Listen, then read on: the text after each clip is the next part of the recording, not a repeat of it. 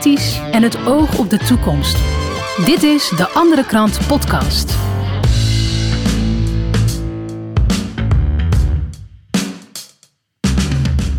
Dit is De Andere Krant Podcast. We laten weer de andere kant van het verhaal aan je horen. Deze week een uh, verdieping op de krant die bij jou in de bus ligt. We gaan het hebben over gain of function onderzoek. Een uitgebreide podcast samen met Ab Gietelink, schrijver en theatermaker. Ab, goedemiddag. Goedemiddag. Ab, hoe is het met je? Eh, prima. Ik eh, heb net vandaag eh, de tweede fase geschreven in eh, het onderwerp waar we het over hebben, namelijk de herkomst van het COVID-virus en de labtheorie. Wat ik over samen schrijf met eh, niemand minder dan professor eh, Kees van der Pijl. Leuk, leuk. Mooi, belangrijk onderzoek ook. Eh, je bent op de voorpagina te lezen deze week. Eh, die ligt trouwens nog niet bij de mensen in de bus, eh, want het is vandaag maandag en dat Ja. wordt morgen bezorgd. Ja. Ehm, en je, je bent verderop te lezen in de krant met een uitgebreid artikel over ehm, ja, gain of function onderzoek, wat, ja, wat hè, wordt over gesproken ook in Nederland gaat plaatsvinden. Ik wil het vandaag met jou hebben over een aantal dingen. Ik wil het vandaag met je hebben over dus gain of function onderzoek, die situatie die begin 2020 eh, er was, en met de vleermuizentheorie, zeg maar. Eh, de labtheorie, die, eh, die ondertussen ja, door eh, wetenschapper Luc Montagnier, inmiddels overleden, wordt tegengesproken. Ja. Ehm, eh, ja, niet tegensproken, maar wordt, wordt ondersteund, sorry.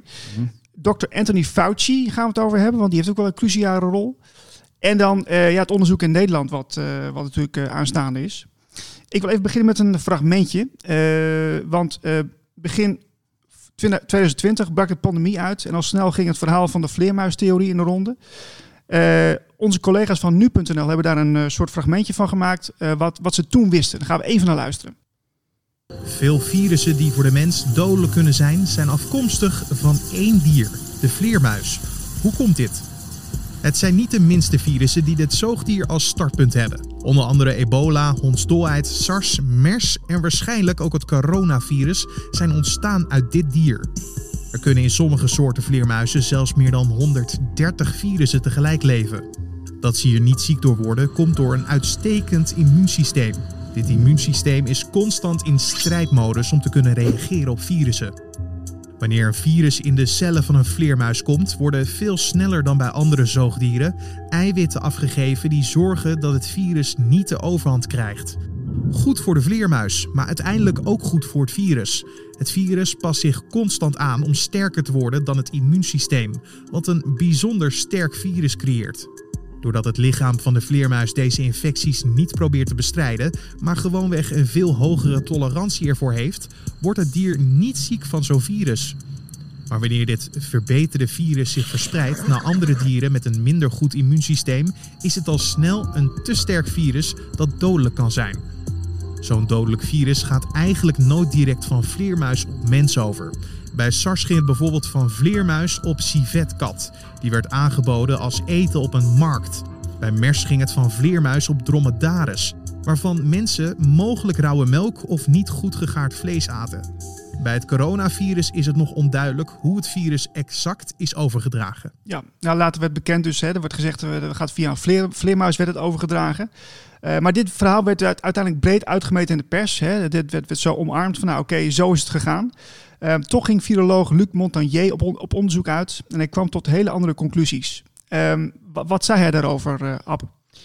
Ja, eh, Luc Montagnier is de eh, ontdekker van het HIV-virus. Heeft daar ook eh, in 2008 een Nobelprijs voor gekregen. Dus dat is echt een, grootheid in de internationale medisch-wetenschappelijke wereld. Die kwam in april 2020 voor de Franse tv met een verklaring. En daarin zei hij, ik heb met mijn team dit virus onderzocht, COVID-19. En ik stel vast dat het eigenlijk een SARS-CoV-1-virus is.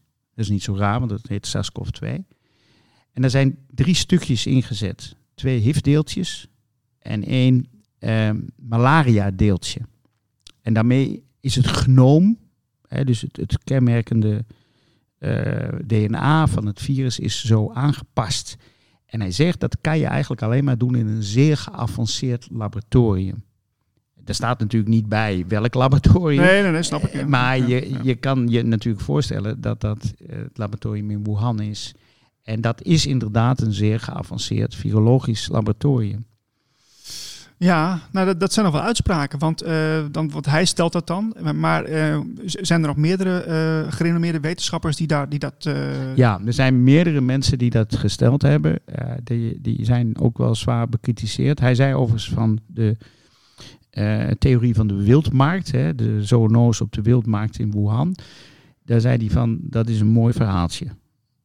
Maar het is niet de werkelijkheid. Nee. En dit is natuurlijk wel het soort mensen dat dat kan zeggen. Kijk, het grote probleem is wel een beetje dat het schijnbaar heel erg moeilijk is om vast te stellen of dat een zoonose is mm -hmm. of een, een, een, een, kunstmatig gecreëerd virus.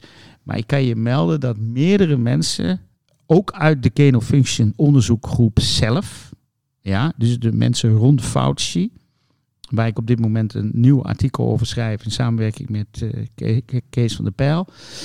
Uh, die direct eigenlijk de gedachte hadden, oei, dit zou wel eens ontsnapt kunnen zijn. Met andere woorden, het is een lab leak, zoals dat dan heet. Ja. En uh, ja, de, de, namen Anderson zit daarbij, uh, Farage zit erbij, maar het zijn eigenlijk de, de, de groep topwetenschappers ook rond uh, Anthony Fauci. En die, twee van die wetenschappers zijn uh, Marion Koopmans en Ron Fouché van het Virus Science Erasmus MC. Wat volgens Fouché zelf tot de top 5 laboratoria van de wereld behoort. Zeker op dit gebied. Oké, okay, oké. Okay.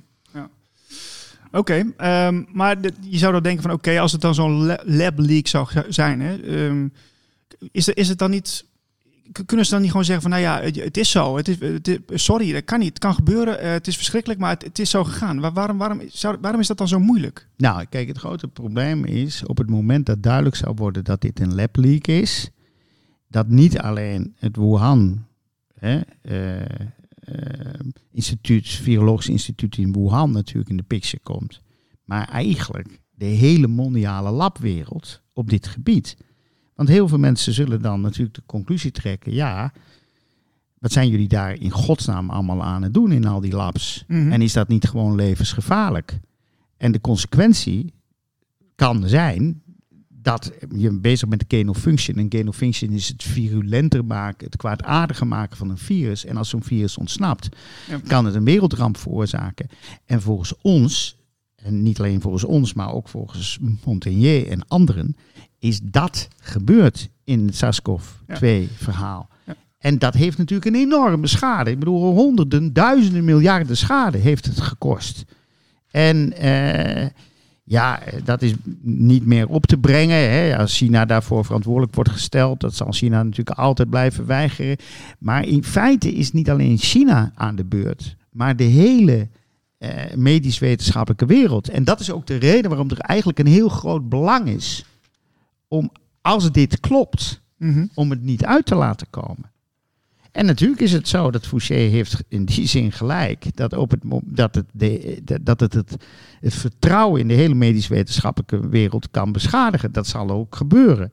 Maar ja, de vraag is, moet je daarom maar blijven liegen? Het is natuurlijk een beetje vergelijkbaar met wat er in de, in, in de nucleaire wereld is gebeurd. Hè. Ik kom uit de uh, generatie die opgegroeid is in de jaren 60, 70 onder de schaduw van de bom. Mm -hmm. En wij realiseerden ons heel sterk, ja, je kunt wel mooie nucleaire bommen maken of centrales, maar op een bepaald moment gaat er iets fout en de consequenties daar zijn, daarvan zijn gigantisch. En dan kan je zeggen, de kans daarop is heel klein. Maar we hebben natuurlijk de laatste decennia toch uh, Tsjernobyl gezien. Ja, zeker. Verschrikkelijk. En we hebben ja, ja. Fukushima gezien. En overigens is het gewoon zo dat meerdere virussen in het verleden uit labs zijn ontsnapt. Hè, ik heb wel eens gehoord dat ebola ook op een bepaald moment wat ontsnapt is. En dat daar problemen mee waren en dat er uh, calamiteiten waren. En dat heeft gelukkig niet tot wereldrampen geleid. Hm. Maar hoogstwaarschijnlijk is het wel zo dat de ontsnapping van SARS-CoV-2 wel tot een wereldramp heeft geleid. Ja, ja en, en want daar is ook een beetje discussie over. Ik had ook nog een vraag bedacht van oké, okay, uh, uh, uh, er is dan misschien al een, een lab leak geweest, maar hoe gevaarlijk is überhaupt gain of function onderzoek? Want daar zijn de meningen wel over verdeeld volgens mij. Nou ja, er zijn gewoon een aantal. Kijk, gain of function betekent het virulenter of kwaadaardiger maken van virussen. Of het sneller laten spreiden van een virus. Mhm. Het zou overigens heel goed kunnen zijn dat SARS-CoV-2 op zichzelf niet echt kwaadaardiger gemaakt is, maar wel sneller spreidt. Ja, ja, dat ja. is de reden. Ja, eh, Waarom die, vari- het- voor die varianten natuurlijk. steeds, Ja, eh, en de- dus ja, dan ja. krijg je dus die varianten. En dat is de reden waarom het zo snel spreidt over de, eh, over de wereld. Het spreidt natuurlijk veel sneller dan SARS-CoV-1. Ja. En dat is ook waarom, ja, SARS-CoV-1 hebben we dan wel eens van gehoord, maar de- daar hebben we verder hier in Europa weinig mee, mee, mee te maken gehad natuurlijk. Ja, ja. Ehm, ja, dus... Ja, we- zo, Maar goed, zo- daar- komen, daar komen we zo wel even op door. Ja? Op, dat, op dat, eh, eh, wat er in Nederland gebeurt. Maar even een andere vraag. Want eh, ja, er wordt natuurlijk veel gespeculeerd. Ik wilde natuurlijk wel een beetje wegblijven. Want we moeten wel de informatie nagaan die, die we nu hebben. Dus niet, niet zomaar overal wil gaan speculeren. Mm. Maar toch, we blijven wel heel erg binnen de, binnen de paden van dat, ja, dat, het, dat, het, ja, dat het een ongeluk geweest is. Hè? Ja. Zou het ook niet, ja, dat is misschien een beetje gek, maar zou het ook niet bewust gedaan kunnen worden? Nou, kijk, ik ga daar altijd, ik, ik ga altijd, uit van het goede van de mens. Maar het grote probleem is, zelfs als je stelt het is een bewuste daad, hè, dan moet je je afvragen waarom is het een bewuste daad. Maar het is natuurlijk ook levensgevaarlijk. Hè? Ook voor je eigen leven en het leven van de mensen waar je voor houdt. Want je weet helemaal niet goed wat je loslaat. Eh, dus dat zijn ook van die theorieën, zeker als daar helemaal geen aanwijzingen voor zijn, die ik ook heel erg onwaarschijnlijk acht. Ja. Het is wel zo dat het virologisch onderzoek, eh, ook het virologisch toponderzoek, wordt ge- gefinancierd door eh, allerlei fondsen die gevuld worden uit het militair-industrieel complex. Dus je Hmm. moet je voorstellen dat het Pentagon, wat de belangrijkste financier is, die vult fondsen. Ehm, en die fondsen financieren onderzoek, onder andere het Erasmus-onderzoek, maar ook het onderzoek naar SARS-CoV-1 in Wuhan. En eh, ja, dat is voor een deel, volgens meneer Ron Fouché een heel klein deel, maar toch een deel, gain of function onderzoek. Ja, ja, ja. Maar ik, weet wat je wel kunt zien is natuurlijk dat overheden sinds die uitbraak van corona natuurlijk veel meer eh, macht naar zich toe trekken. Denk aan de World Health Organization, maar ook eh, onze eigen landelijke regeringen natuurlijk. En dan hebben we ook nog het verhaal van de World Economic Forum, eh, wat, wat natuurlijk ook een, een, een rol speelt. Als je dat erbij optelt, ja, dan kun je ook zeggen, ja, dat is, dat is een 1-2'tje. Nou ja, kijk, er zit een verschil of je moedwillig een, een ramp tot stand brengt of dat je zegt, er zijn een aantal organisaties die een bepaald soort politieke ideologie hebben, die een bepaald soort mens- en wereldbeeld hebben en die profiteren daarvan. Er is geen enkele discussie natuurlijk, het kan geen andere discussie zijn, dat er een aantal instituties en bedrijven en multinationals in deze wereld heel erg geprofiteerd hebben. Hè, Mhm. Denk maar aan de hele vaccinatieindustrie. Denk Mhm. maar aan het farmaceutisch industrieel complex. Denk maar aan de virologen en microbiologen die tot vrij onbekende, wat eh, hè, onduidelijke wetenschappers nu geworden zijn tot de nieuwe helden in de moderne wereld. Een- Een bedrijf als eh, Pfizer, ja, Mhm. die werd eh, door mensen zoals ik en ook door een groot deel van de mensen, kritische mensen uit de media, met argusogen eh gevolgd. Want dat was een bedrijf wat de zaak oplichtte. En een bedrijf wat eh forse miljoenen maakte, en et cetera. Maar dat, dat zijn, worden nu gepresenteerd of het de redders van de wereld zijn. Ja? ja. En dat is natuurlijk een, voor, die, voor die bedrijven een wat aangenamer positie dan dat je in de beklaagde bank zit. We zijn we inmiddels wel twee jaar verder. Ehm, ik wil even een stapje maken van, ehm, van 2020 naar eh, de situatie van, ehm, van vorig jaar. Want vorig jaar eh, eh, was meneer Dr. Anthony Fauci, die is eigenlijk Chief Medical Advisor hè, van, eh, van de president. Ja. Ehm, die lag gigantisch onder vuur. Ehm, die moest ook verschijnen voor de rechtbank in de VS. En eh, dat verhoor is opgenomen. En ik wilde even een stukje van laten horen. Dr. Fauci, we don't know whether the pandemic started in a lab in Wuhan or evolved naturally, but we should want to know. Three million people have died from this pandemic, and that should cause us to explore all possibilities. Instead, government authorities, self interested in continuing gain of function research, say there's nothing to see here. Gain of function research, as you know, is juicing up naturally occurring animal viruses to infect humans. To arrive at the truth, the U.S. government should admit that the Wuhan Virology Institute was experimenting to enhance the coronavirus's ability to infect humans. Juicing up superviruses is not new. Scientists in the U.S. have long known how to mutate animal viruses to infect humans. For years, Dr. Ralph Barrick, a virologist in the U.S., has been collaborating with Dr. Shi Zhengli of the Wuhan Virology Institute, sharing his discoveries about how to create superviruses. This gain of function research has been funded by the NIH. The collaboration between the U.S. and the Wuhan Virology Institute continues. Doctors Barrick and Shi worked together to insert bat virus spike protein into the backbone of the deadly SARS virus and then use this man made supervirus to infect human airway cells. Think about that for a moment. The SARS virus had a 15% mortality. We're fighting a pandemic that has about a 1% mortality. Can you imagine if a SARS virus that's been juiced up and had viral proteins added to it, to the spike protein, if that were released accidentally? Dr. Fauci, do you still support funding of the NIH funding of the lab in Wuhan? Senator Paul, with all due respect, you are entire, entirely and completely incorrect that the NIH has not ever and does not now fund gain of function research in the Wuhan Institute. Do they fund Dr. Barrick? We do not fund Do you fund gain. Dr. Barrick's gain of function research? D- Dr. Barrett does not doing gain of function research, and if it is, it's according to the guidelines, and it is being conducted in North Carolina. We hoorden dus eh, ja, Dr. Fauci heel duidelijk eh, zeggen van ja, eh, ik heb dit niet gefinancierd. Eh, heel, heel duidelijk ontkent hij alles. Je hoorde trouwens ook senator Rand Paul. Ehm, ja, Ab, hier, hier komt hij toch niet meer weg, zou je zeggen? Ja, kijk, wat er gebeurt is dat ehm, dat gaat voor een deel ook tussen, door, door tussenpersonen.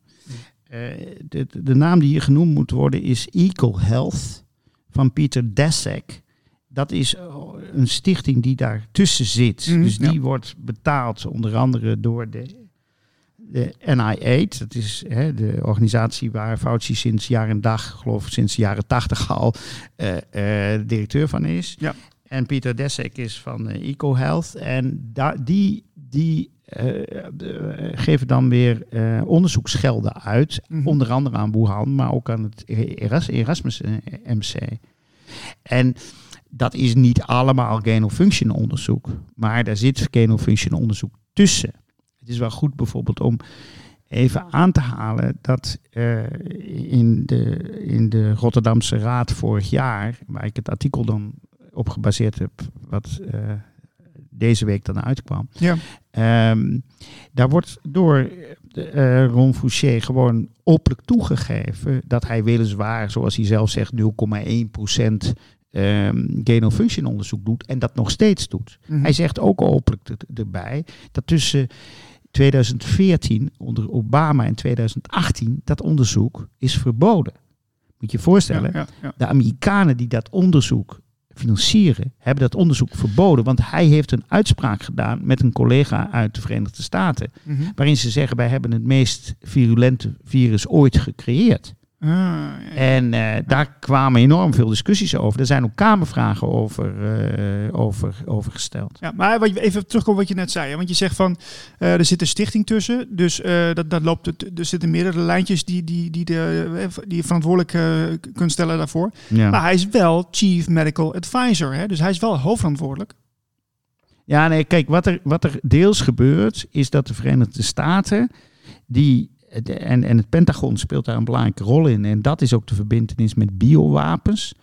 Eh, hoewel je ook niet moet voorstellen dat al hun onderzoek wat ze financieren direct tot een biowapen leidt. Het is natuurlijk ook gewoon onderzoek hoe gedragen virussen zijn. Ja, precies. Ja, ja. Eh, maar een deel van het riskante onderzoek hebben ze naar het buitenland uitbesteed. Dus dat gebeurt niet binnen Amerikaanse grenzen. Deels omdat dat niet mag. Ah, In Nederland zijn we daar allemaal wat makkelijker mee. We doen of dat allemaal wel kan. En in China ook. Maar er, er gebeurt bijvoorbeeld nogal veel gevaarlijk onderzoek in landen als uh, Georgië en, en uh, in Afrikaanse landen. Een deel van die riskante biolabs, Amerikaans, uh, met Amerikaans geld betaalde biolabs, zit in het buitenland en soms in derde wereldlanden, die ah, daar dan natuurlijk ook stevig voor, voor betaald worden. En je kan je ook voorstellen dat daar ook wel eens wat mis kan gaan.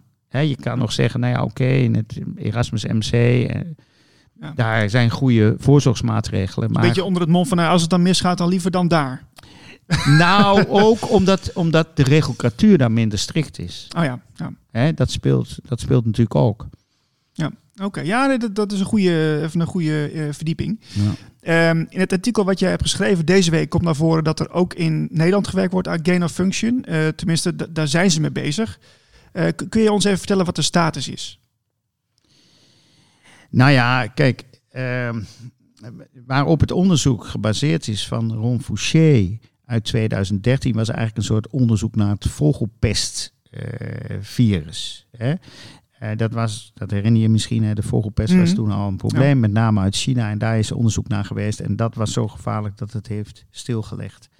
Mm zij doen allerlei onderzoeken, begrijp ik. Ik ben niet genoeg medisch wetenschappelijk onderzoek om dat allemaal heel precies te kunnen duiden. Maar wat zij gewoon openlijk toegaven in de, in de Rotterdamse raadsvergadering 24 juni 2021 is dat ze ook de plannen hebben tot een nieuw Viroscience Lab. Hè. Op dit moment is er een Viroscience Lab gebonden aan het Erasmus MC in het centrum van Rotterdam. Ze willen een nieuw Viroscience Lab. Dat is een high risk, een hoog risico lab.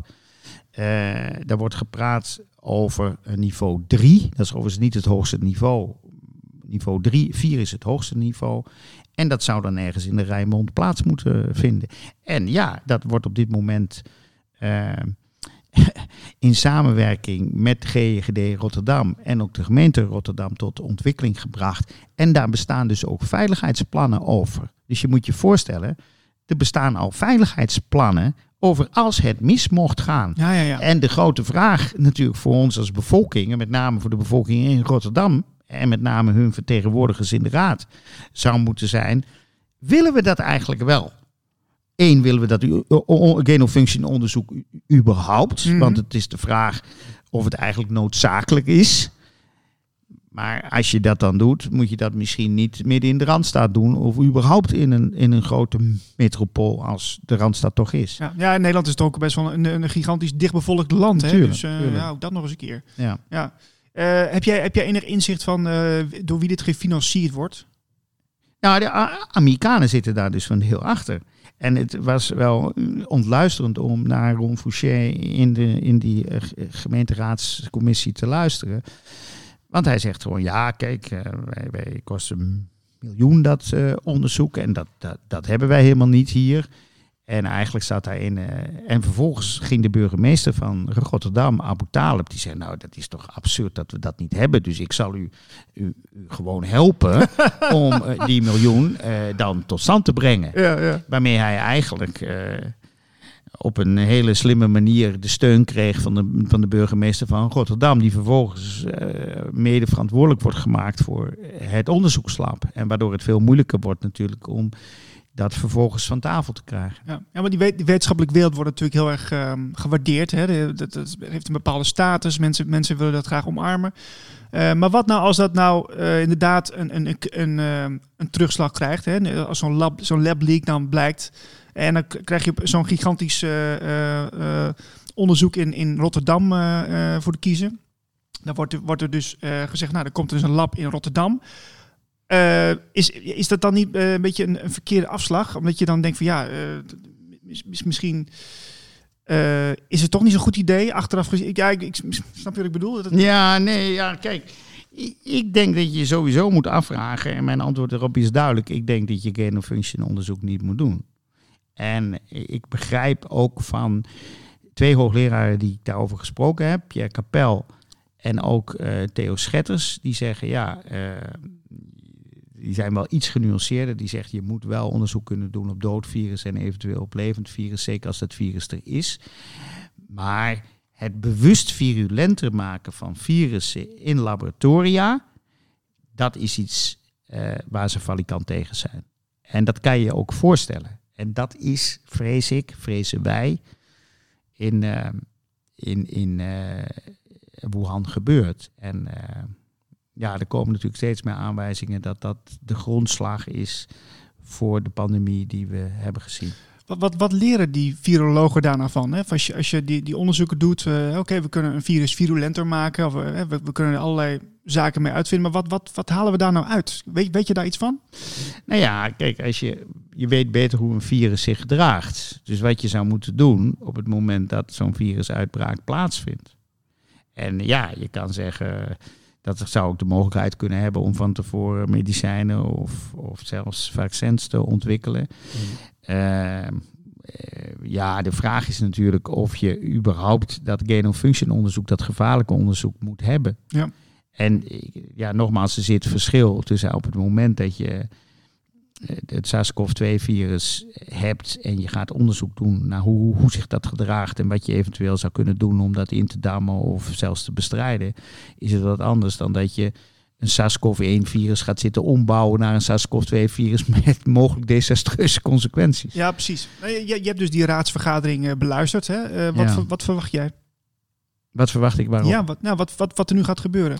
Nou ja, ja ik denk dat uh, de vragen gesteld moeten worden. En ik denk ook dat, uh, dat er protest moet komen. Uh, omdat ik anders vrees dat eigenlijk onder, onder de, de, de lijn, zou ik maar zeggen, onder de waterlijn, plotseling daar een, een hoog risicovol lab staat op niveau 3 of niveau 4. Daar wordt dan nu over gesproken. Niveau 4 is dan het hoogste niveau. Dat, dan moet je je voorstellen, dan lopen mensen met die pakken rond. Ja, ja. ja. Hè, met die maanpakken. Uh, en ja, dat, maar ook dat is natuurlijk nooit helemaal veilig. Maar als je dat gaat doen op niveau 3, ja, dan loop je, zeker als je gain of function gaat doen, dan loop je nog weer meer risico natuurlijk. Precies. Uh, nu vertelde je mij ook in vertrouwen dat er zo'n zo'n 3000 mailtjes zijn vrijgekomen van Dr. Fauci, Dr. Ja. Anthony Fauci. Ja. Er zijn, weet ik, uh, medewerkers van de andere kant mee bezig om die te onderzoeken. Ja. Uh, kun, je daar, kun je daar iets van zeggen? Ja, ja, kijk, ehm, de, het, in, het um, fragment wat je liet horen met Paul ten opzichte van Fauci gaat over die mailtjes. Paul heeft die mailtjes doorgenomen mm -hmm. en die heeft een aantal dingen vastgesteld. Namelijk dat die mailtjes zijn ter beschikking op basis van de Information Act, en, maar voor een groot deel zwart gelakt. Alleen de congresleden, waaronder deze meneer Paul, die heeft daar inzicht in gekregen. En bijvoorbeeld een van de uitspraken daarin blijkt dat Fouché zelf heeft aangegeven dat het uh, op zichzelf een goede zaak is om dat dat onderzocht wordt, maar dat dat niet naar buiten gebracht moet worden. Want als je dat naar buiten brengt, krijg je een soort angstepidemie onder de bevolking. En het wantrouwen onder de bevolking groeit dan natuurlijk naar dit soort instituten. Kijk, ja. op dit moment leven we in de absurde situatie dat virologen en microbiologen en hun onderzoek zijn heilig verklaard. Mm. Die mensen zitten gewoon zonder ook maar één woord tegengesproken te worden, twee jaar aan tafel bij op één. Ze worden in, het, in de Volkskrant en, en het NRC en de Nationaal worden ze allemaal als, als helden behandeld. En hun status verandert natuurlijk heel erg op het moment dat duidelijk zou worden dat zij niet de oplossing zijn, maar wellicht een groot deel van het probleem. Namelijk dat het uit het lab komt. En dan kan je zeggen, uh, dat is uh, de verantwoordelijkheid van die mevrouw uh, Cheng Li. Hè? Mm -hmm. uh, dat, dat, dat is de onderzoeksleidster in, in Wuhan, ja. Wuhan die Ja. ook, ook even in het fragment werd genoemd. Maar iedereen begrijpt wel dat als dat in Wuhan kan gebeuren, dat het ook in het Erasmus MC in Rotterdam kan gebeuren of in Fort De- Detrick in de Verenigde Staten of in een ander uh, gerenommeerd lab. Ja. Hè? Ja. Ja, en dan heb je ook nog de beweging van, uh, ja, van de overheden. Hè? Daar hebben we het ook even over gehad voordat we deze podcast begonnen. Ik wil Ja. toch even naartoe nog. Uh, want uh, jij zei van ja, toen ik jong was in de jaren tachtig, ja, wisten we ook wel dat, er- dat er virussen waren en waren we daar, eh, eh, waren we daar wel op van bewust. ja. Maar de overheden gingen daar anders mee om dan nu. Ja, Ja, dat is een interessant fenomeen, heb ik me ook vaak afgevraagd toen ik jong was in de jaren 80, student hier in, aan de UvA in Amsterdam in 83. Toen kregen we het AIDS-virus. En ik zou je zeggen, mijn generatie is daardoor getekend. Mhm.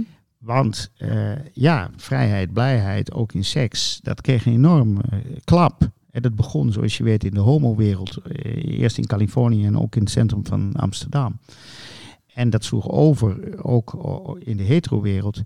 En het is interessant om te zien wat de overheid daarmee deed. Wat de overheid deed was eigenlijk niks. Of liever gezegd, ze gaf een campagne, een publiekscampagne. Ze zei, nou, het is een ernstig virus en ik zou maar een condoom gebruiken. Mm. Nou, dat hadden wij als studenten al lang door dat het een ernstig virus was. Want er waren de meest verschrikkelijke beelden van, eh, van ook mensen die dat virus kregen en daaraan doodgingen. Hè, een van de mensen die waarschijnlijk eh, doodging was de, de filosoof-denker eh, Michel Foucault, die ook in mijn kringen natuurlijk nogal op handen werd eh, gedragen in die tijd. Die is in 1984 hoogstwaarschijnlijk gestorven aan het HIV-virus, dus aan AIDS. En dat was vergeleken bij, kijk, ver- vergeleken bij het Swappie-virus, want dat is het toch, wat, wa- wat COVID-19 is, is natuurlijk voor ja, voor gezonde mensen en zeker voor jongeren, maar zelfs voor wat oudere gezonde mensen is dat helemaal geen, geen verhaal. Mensen die doodgaan, die zijn gemiddeld 81 en hebben vaak ook nog onderliggend lijden. Ja, in Spanje is het al een griep, hè? In principe. Ja, dus, eh, ja. maar goed, de, de, de, Omicron is zelfs geen, geen echt zwaar virus meer, eh, vergelijkbaar met een, met een gemild gri- griepvirus. Maar goed, je kan zeggen Alpha en Delta waren wel zware griepvirussen. Eh, maar even terug, de reactie van de overheid in de jaren 80 was zeer fundamenteel anders. En wat er gebeurde was dat de verantwoordelijkheid werd gelegd bij de burger. De burger besliste of die seks had. De burger besliste eh, waar die kwam, waar die geen kwam. En het was niet aan de overheid. De overheid deed heel weinig, behalve wat voorlichting geven. Mhm. En ik herinner me zelfs dat, zal ik maar zeggen, potentiële brandhaarden als eh, eh, homo-sauna's in het centrum van Amsterdam of, of, of darkrooms werden niet eens gesloten. Eh, dat was Eigen verantwoordelijkheid. eigen verantwoordelijkheid. Ja. Die eigen verantwoordelijkheid zijn we volledig kwijt. Ik, ik denk, in wat voor wereld eh, leef ik? Ik mag helemaal ni- niks meer zelf vinden. Ik ben volledig tot infantiele burger gemaakt. En de, de boven mij gestelde overheid die meent besluiten te kunnen nemen, überhaupt niet wetenschappelijk on- onderbouwd. Nee. Je moet je voorstellen, een heleboel van die besluiten die ze nemen, daar zeggen die wetenschappers zelf van, ja, wij weten het ook niet. Nee. Eh, en dat is fundamenteel veranderd. Kijk, het is, Wij- het is moeilijk om denk ik daar één, eh, een, een, één duidelijke ehm, ja, ehm, oorzaak van, van te benoemen. Dat, dat, is, dat gaat wat te ver misschien, maar we hebben natuurlijk wel te maken met nu een, een digitalisering. Hè? ja, Dat was toen niet. Ja, dat was, kijk, je moet je voorstellen, in, in, in, in de jaren tachtig had je nog geen internet. We hadden het begin van digitalisering, eh, in de zin van dat we de eerste heel eenvoudige computers hadden. Maar we hadden geen internet, we hadden geen sociale media. En de laatste 40 jaar hebben we een enorme operatie gemaakt met eh, eh, digitalisering, het digitale tijdperk. De wereld is er heel anders uit gaan zien. En dat heeft ook hele grote voordelen. Hè. Wij kunnen nu dit opnemen en op internet zetten. We kunnen onze eigen programma's maken. Wij, iedereen kan reageren ook via, via WhatsApp of via Facebook of via Instagram. En eh, dat was in, in die tijd eigenlijk allemaal niet. Maar de, de, de schaduwzijde daarvan is niet alleen dat de bevolking meer middelen krijgt van onderop, bottom-up. Ja. Maar de staat, de overheden, hebben steeds meer macht naar zich toegetrokken en een soort controlesamenleving in stand eh, eh, tot stand gebracht. Waarin het normaal is dat je camera's opstelt, dat je mensen eh, in, in, in digitale systemen zet, waarin je een sleepwet maakt, alle informatie opsluit en op een bepaald moment durven mensen natuurlijk ook niet meer uit de band te springen. Dus die vrijheid, ja, je kunt wel vrij zijn, maar vervolgens stel je, je jezelf voor de rest van je leven buitenspel. Dat is wat er in toenemende mate dreigt te gebeuren. Een enorme controlesamenleving. Een enorme. eh, ja, een, een, een, en dan kan je natuurlijk zoiets krijgen als SARS-CoV-2. En dat kan je dan natuurlijk heel makkelijk aangrijpen om als overheid een macht naar je toe eh, te trekken die eigenlijk niet past in een liberaal-democratische eh, staat. Nee, nee, precies, precies. Jeetje, ja, het is, het is ook een groot verhaal. Ja. Ehm, binnenkort heb je weer een eh, artikel met Kees van der Pijl in een andere krant. Daar gaan jullie weer wat verder op in. Ja, kun je daar iets van zeggen of is dat voor de ja volgende keer? dat, dat, dat, daar kunnen we wel wat op zeggen. We hebben, kijk, op het moment in Wuhan begint dat in januari 2020. En het blijkt dus dat eh gain function onderzoekers op het topniveau eigenlijk al heel snel de vraag stelden: is dit misschien een labfout? En niemand minder dan Anthony Fauci heeft toen het initiatief genomen om een teleconferentie tot stand te brengen eh, op 1 februari, waar ook Marion Koopmans en Ron Fouché aanwezig waren. Dus een gez- gezamenlijke Zoom-sessie, Ja, zeg maar. ja, zoiets, ja. ja. En daar was natuurlijk de vraag, hoe gaan we om met die labthese? Want ze begrepen wel, als dat naar buiten zou komen en als dat eh, in de media zich zou nestelen en door de politiek overgenomen zou worden, dat zij grote problemen Oh, zouden dit, dit krijgen. is onder de radar is dat gebeurd? zeg Ja, het is Ah, allemaal onder, de, onder de raden gebeurd. En toen is er een soort, ja, een, een, een soort proces op gang gekomen om die mensen die met die labthese kwamen eh, weg te zetten als complotdenkers. En als mensen die het allemaal niet begrepen. Ja, ja. Totdat iemand als Luc Montagnier, de Nobelprijswinnaar, hè, 89 was hij, of hij was toen 87, hij is eh, vorige week overleden, ehm, die zich daar niks van aantrok. En zei, ja, sorry, ik heb het wel onderzocht. En het komt hoogstwaarschijnlijk uit een lab, volgens mijn inschattingen. ja, ja, ja. En ja, dan heb je natuurlijk aan je zijde een hele internationale grootheid. En dan, daar kan je ook niet van zeggen, nou, dat is een man die uit zijn, uit zijn nek kletst. Dat kan je niet maken, nee. Nee, nou dat hebben ze wel geprobeerd. Ze hebben gemaakt, die man is seniel of die, die is zwaar gepensioneerd. Tuurlijk. Maar eh, daar, daar zijn natuurlijk heel veel mensen die daar niet meer in trappen. Laten we het hierbij staan, want ik vind het wel interessant eh, dat het onder de radar is gebeurd. Dat kunnen de mensen dus de volgende keer waarschijnlijk lezen in de andere krant. Ehm, ik ben heel benieuwd, App. Ik vind het een spannend verhaal worden. Het is, een, het is een fascinerend verhaal. En het is eigenlijk de herkomst van het SARS-CoV-2-virus. Dit, dit is een verhaal wat misschien wel het belangrijkste verhaal is... wat in deze jaren verteld moet worden. Omdat je je voorstellen, er zijn 200 tot 400 biolabs in de wereld.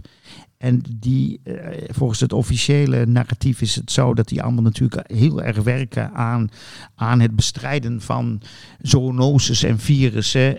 Maar je moet je afvragen of ze niet behalve de oplossing ook een groot deel van het probleem kunnen zijn. Hmm, ja, ja, precies, precies. We gaan het, eh, we gaan het volgen. Ab, dank voor je tijd. Ja, graag gedaan. Volgende week zijn we er weer met een nieuwe verdieping op de krant. Eh, dank voor het luisteren en abonneer je op dit kanaal en koop de krant. Dankjewel voor het luisteren. Wil jij ook de andere krant bij jou thuis? Bestel hem dan op deanderekrant.nl.